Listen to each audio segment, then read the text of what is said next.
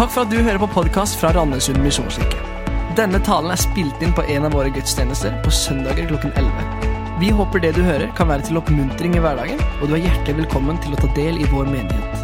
Gå inn på mkirken.no eller Randesund misjonskirke på Facebook for mer info. Det er jo et fantastisk hjerteslag å ha. En bønn om at vi vil se de som Gud ser. Om at vi vil gå dit Han vil vi skal gå.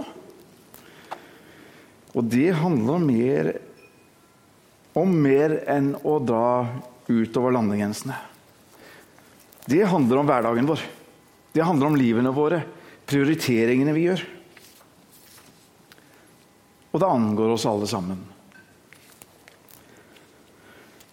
Den sangen, den rører noe dypt i oss.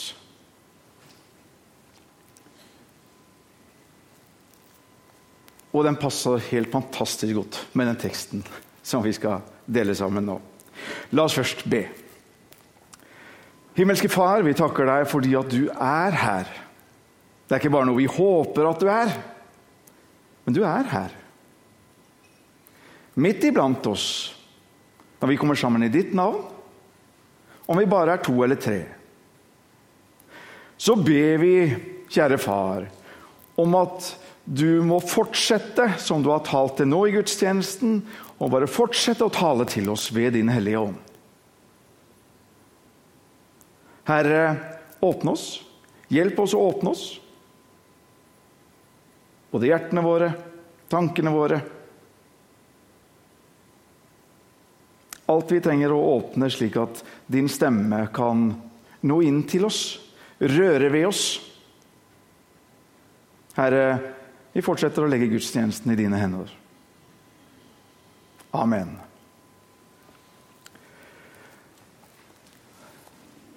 Det er jo alltid en fristelse å tale ut fra Matteus 28 på en sånn dag. Og misjonsbefalingen.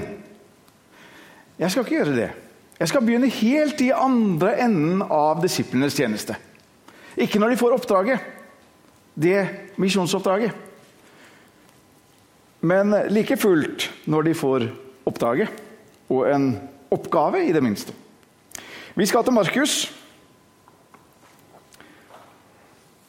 Kapittel 1. Og vers 16 til 20 skal vi lese Jesu navn. Og når det står 'han' i første setningen, så er det altså Jesus. Så ingen skal være i tvil.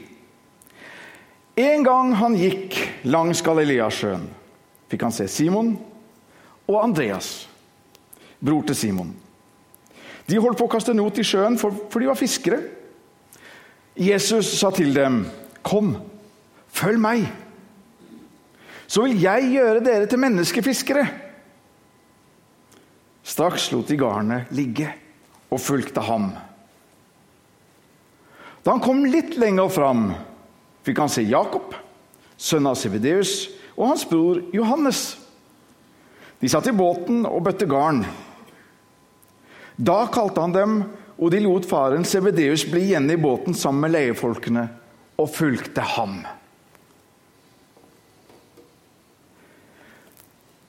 Her altså så kaller Jesus fire av disiplene i, på disse fire versene. Og så forlater de familien og yrket sitt, og så begynner de et helt nytt liv. Og på mange måter så tenker jeg at det som skjer i den teksten her, det er jo en misjonærutsendelse, det.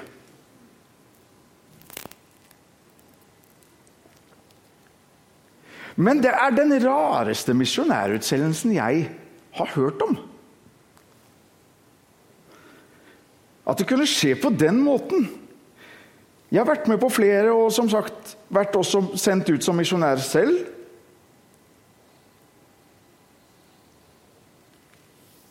Helt siden jeg leste denne teksten ja, Jeg skal ikke si siden første gang jeg leste den, men, men relativt tidlig i møte med den teksten i ungdomsåra så tenkte jeg at dette er en rar tekst.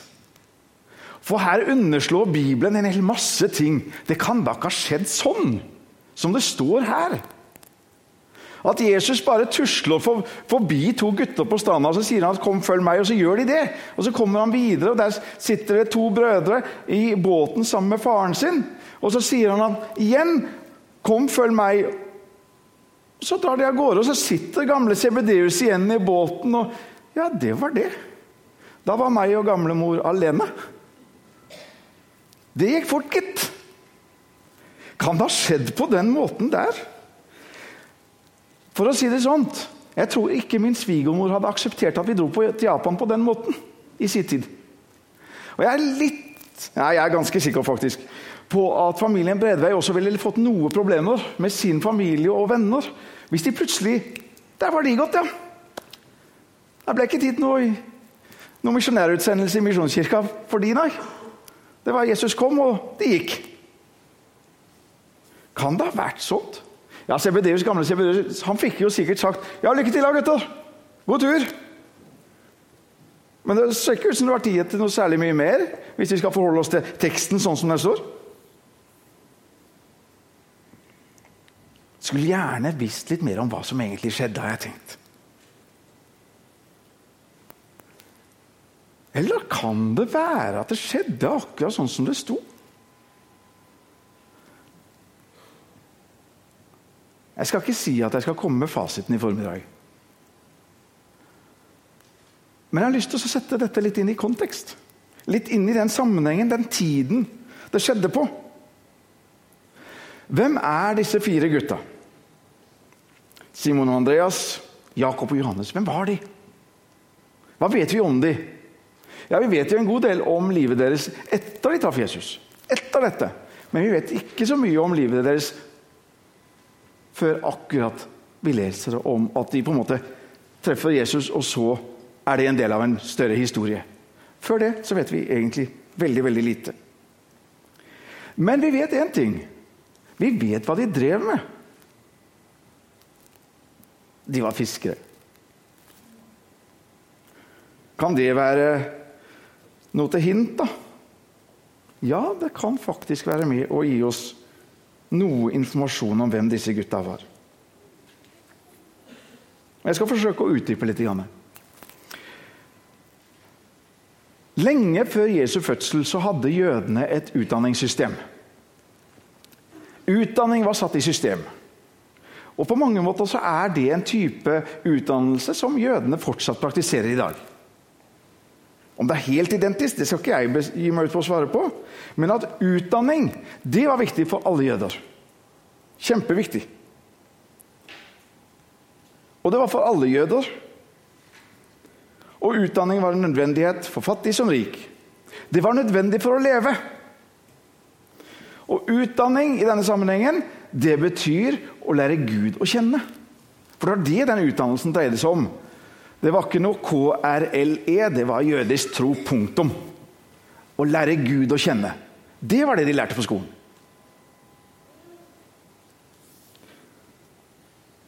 Kjernen i den jødiske tro, det er det som vi har her i vår bibel også. De fem Mosebøkene, ikke sant? Kjernen i jødisk tro. Tora kalles det. De av dere som uh, kan språk, må gjerne lukke ørene på uttalen der. Jeg skal ikke si at den nødvendigvis er riktig. Men det skrives slik som det står der, iallfall med de bokstavene som vi pleier å bruke. Hva betyr så dette ordet? Jo, det betyr undervisning, lære, vei.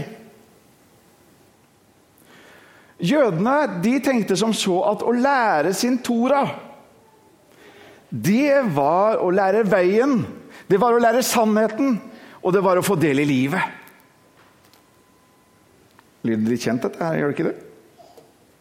Nøkkelen til et godt liv det var at alle jøder måtte lære sin Tora. Og Når de sier lære, så er det ikke bare lære om, men faktisk kunne de. Lære de utenat, til og med. Leve etter Toraen Lyde Tora var det viktigste for ethvert menneske.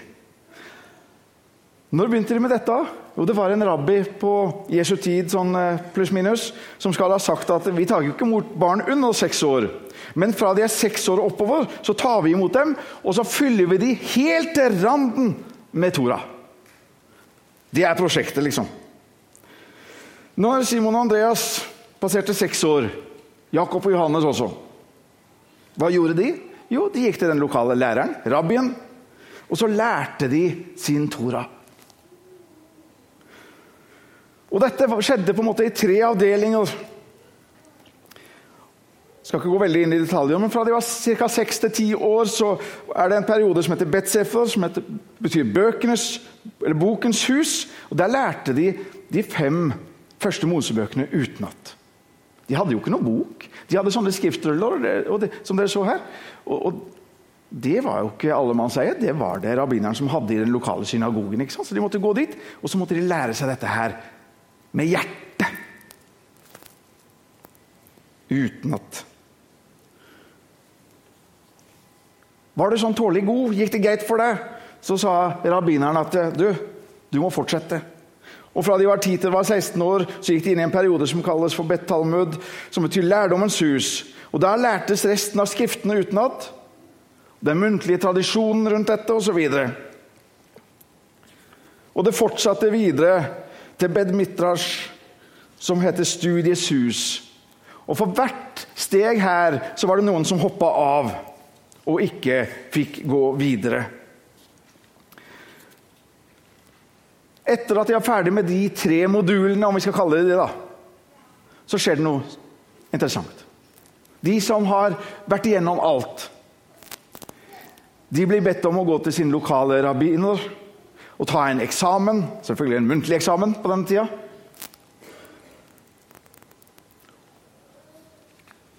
Og det var med tanke på å bli rabbinerens disippel. Rabbineren kunne stille en mengde spørsmål om Tora og alt det andre. Og som en konsekvens av dette intervjuet Det var to utganger av det rommet. Ikke bokstavelig, kanskje, men iallfall verbalt. Og Det ene var at rabbineren sa at sorry, du har nok ikke det som skal til for å bli en disippel. Så det beste for deg det vil være at du drar hjem til din far, og så lærer du din fars håndverk. Og så blir du bonde, fisker, eller hva det nå måtte være. Kanskje var det smed. Ikke sant? Men det fantes en annen mulighet. Det var at Hvis denne rabbineren fant ut at ja, men denne personen som står foran meg nå, han er en utmerket student. Han kan bli like god som meg, eller bedre. Vet dere hva han ville sagt? Han ville si, 'Kom, følg meg'. Og så ble denne studenten tatt opp som disippel til mesteren.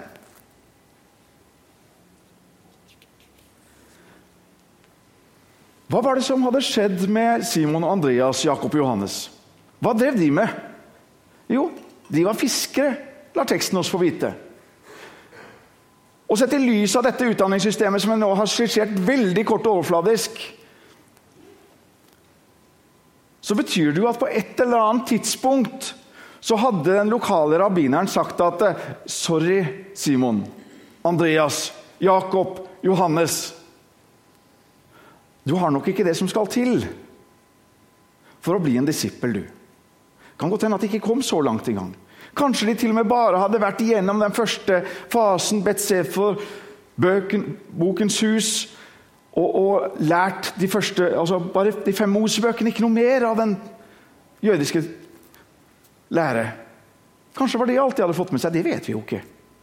Men i alle fall på et eller annet tidspunkt hadde de møtt en stengt dør til disippelskapet. Og så skjer dette forunderlige, da. Etter at de hadde blitt fiskere. Etter at de kanskje hadde jobba som det noen år og lært håndverket langt på vei.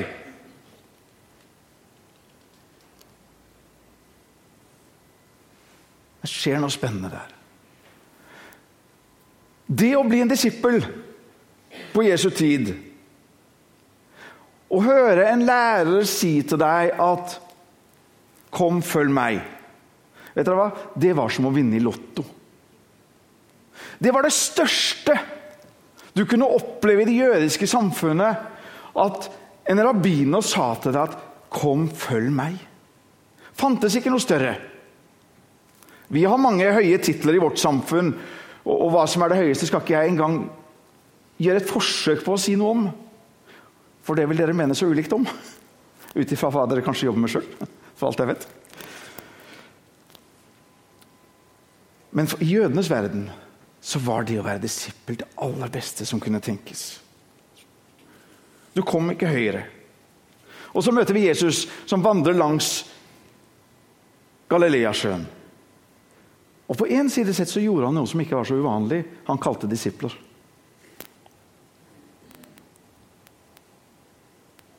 Men det kan godt hende at han gjorde det på et svært uvanlig sted. For hvem i den jødiske villeste fantasien kunne forestille seg en rabbi gå og plukke disipler blant fiskere? Hallo, er du helt nødt, liksom? Det er jo ikke der de skarpeste knivene i skuffen finnes. Det er jo en grunn til at de jobber med det de gjør. Men Jesus så noe i disse menneskene som ingen rabbiner kunne se. Han passerte dem, han visste hvem de var. Og han kalte dem ved navn og sa at Simon Andreas, kom, følg meg. Og Så går han videre og så treffer han Jakob og Johannes, og Sebedeus sitter bare og hører på når Jesus sier 'Kom, følg meg'. Med det dere har hørt nå, hva tror dere reaksjonen til gamle Sebedeus i båten Jeg vet jo ikke hvor gammel han var, egentlig da, men jeg sier det som sånt. Hvordan var reaksjonen hans da? Tror dere ikke han formelig hoppa i båten? Du skal ikke hoppe i en båt, men det er noen annen sak. Mine sønner, kom, følg meg. Disipler.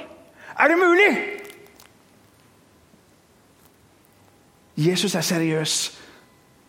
Han er dønn seriøs. Og Sebedeus forstår etter hvert at wow.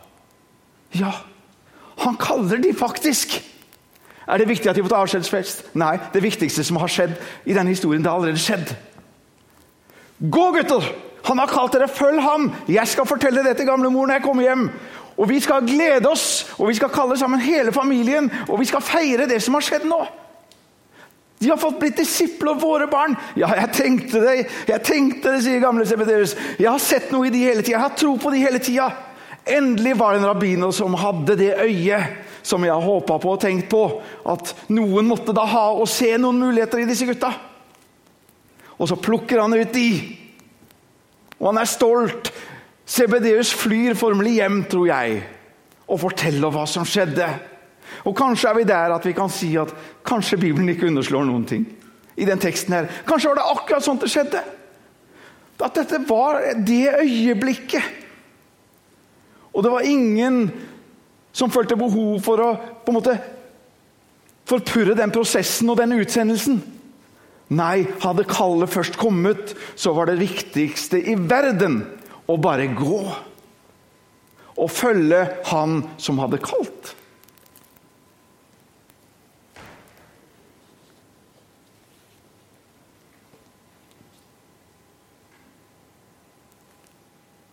Og så sier Jesus på slutten av sin tjeneste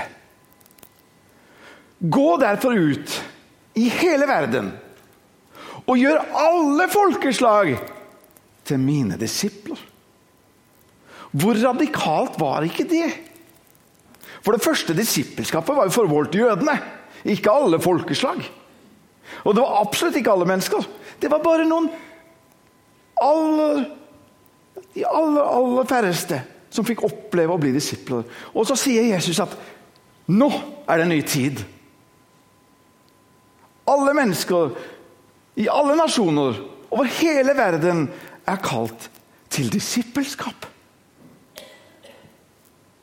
Ser dere hvor radikal Jesus var i sin forkynnelse?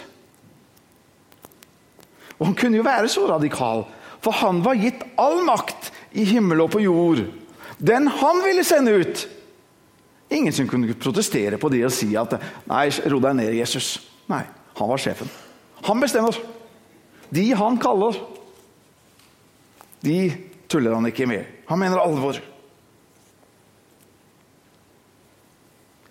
Kan dere forestille dere i dette perspektivet hvor provoserende det må ha vært for de som virkelig kunne sin Tora og sin jødiske utdannelse og på en måte var opptatt av at eh, her så skal høyskolesystemet følges, altså. Når Jesus kommer og så, og så sier han at uh, dere, Tora Det er ikke det som er veien og sannheten og livet lenger. Det er jeg som er sannheten og livet. Jeg er veien, sannheten og livet. De som var rundt Jesus og hørte det Det var nok ikke alle som tok den første gang. Hva er det han sier? Det er jo blasfemi. Det går jo ikke an! Hvem tror han at han er? Skulle du ta imot det, så måtte du faktisk tro at han var Jesus, Jesus var Guds sønn. Og det er et brudd, eller en kontinuitet, om du vil, med den jødiske tro.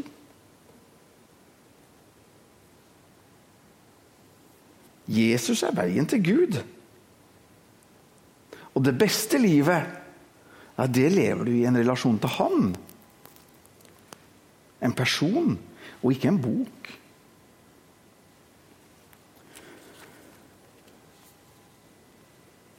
I dag har vi fått lov til å være med på noe stort. En hel familie som tar dette disippelkallet på en måte helt ut. Og sier at ja, han har kalt. Han har sagt 'kom, følg meg'. Og det akter vi å gjøre, vi.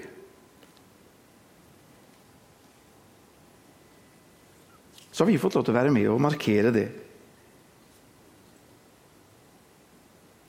Elisabeth og Ørjan og barna også har sikkert lytta seg inn på Jesu ord i dagens tekst.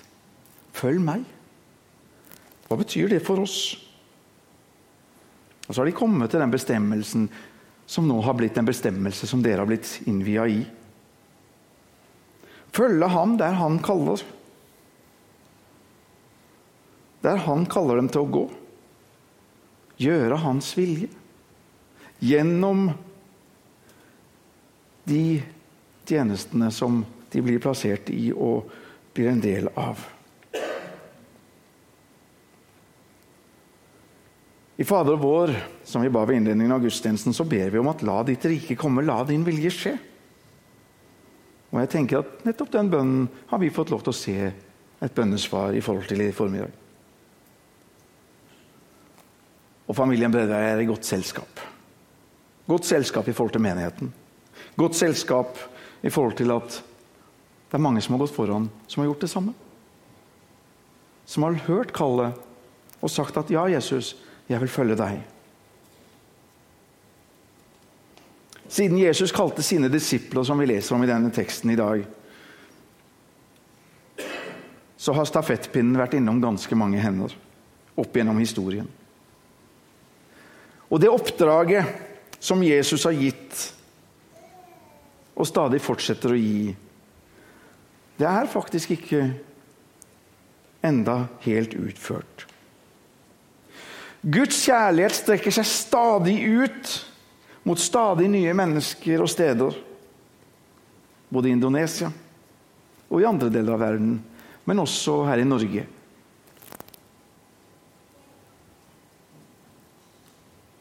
Jesus kaller ikke oss alle til å dra ut i verden. I alle fall ikke ut i verden, hvis vi forstår det som å dra utover landegrensene. Men han kaller oss alle til å være hans disipler. Og til å forkynne det gode budskapet der vi er. Det gode budskapet om at Gud elska verden så høyt at han ga sin sønn, den enbårne, den eneste, for at hver dem som tror på ham, ikke skal gå fortapt, men har evig liv. Liv i Jesus Kristus. Den siste tida så har vi i Misjonskirken Norge løfta fram at løpet er ikke fullført. La oss løfte blikket. La oss fullføre det løpet som Jesus har bedt oss om å gjøre. Og i dag så kjenner jeg blir vanvittig inspirert av Ørjan og Elisabeth og barna. De har løfta sitt blikk. De sier at vi vil være med og ta stafettpinnen. Være med og fullføre løpet. Og så er det utfordrende for oss alle. Og det er som Jarle også minner oss på hva betyr det for oss? Vi kan knytte oss på den, det kallet. Og i den veldige oppgaven så står ingen alene. Jesus gir oss sitt løfte når han sier at 'Se, jeg er med dere alle dager inntil verdens ende'. La oss be. Himmelske Far. Vi takker deg fordi at du sendte din sønn til verden for å gi oss liv. For å vise oss veien. For å gjøre sannheten kjent for oss. Vi takker deg fordi at vi har fått del i det nådefulle evangeliet. Gud, må du tale til oss både i dag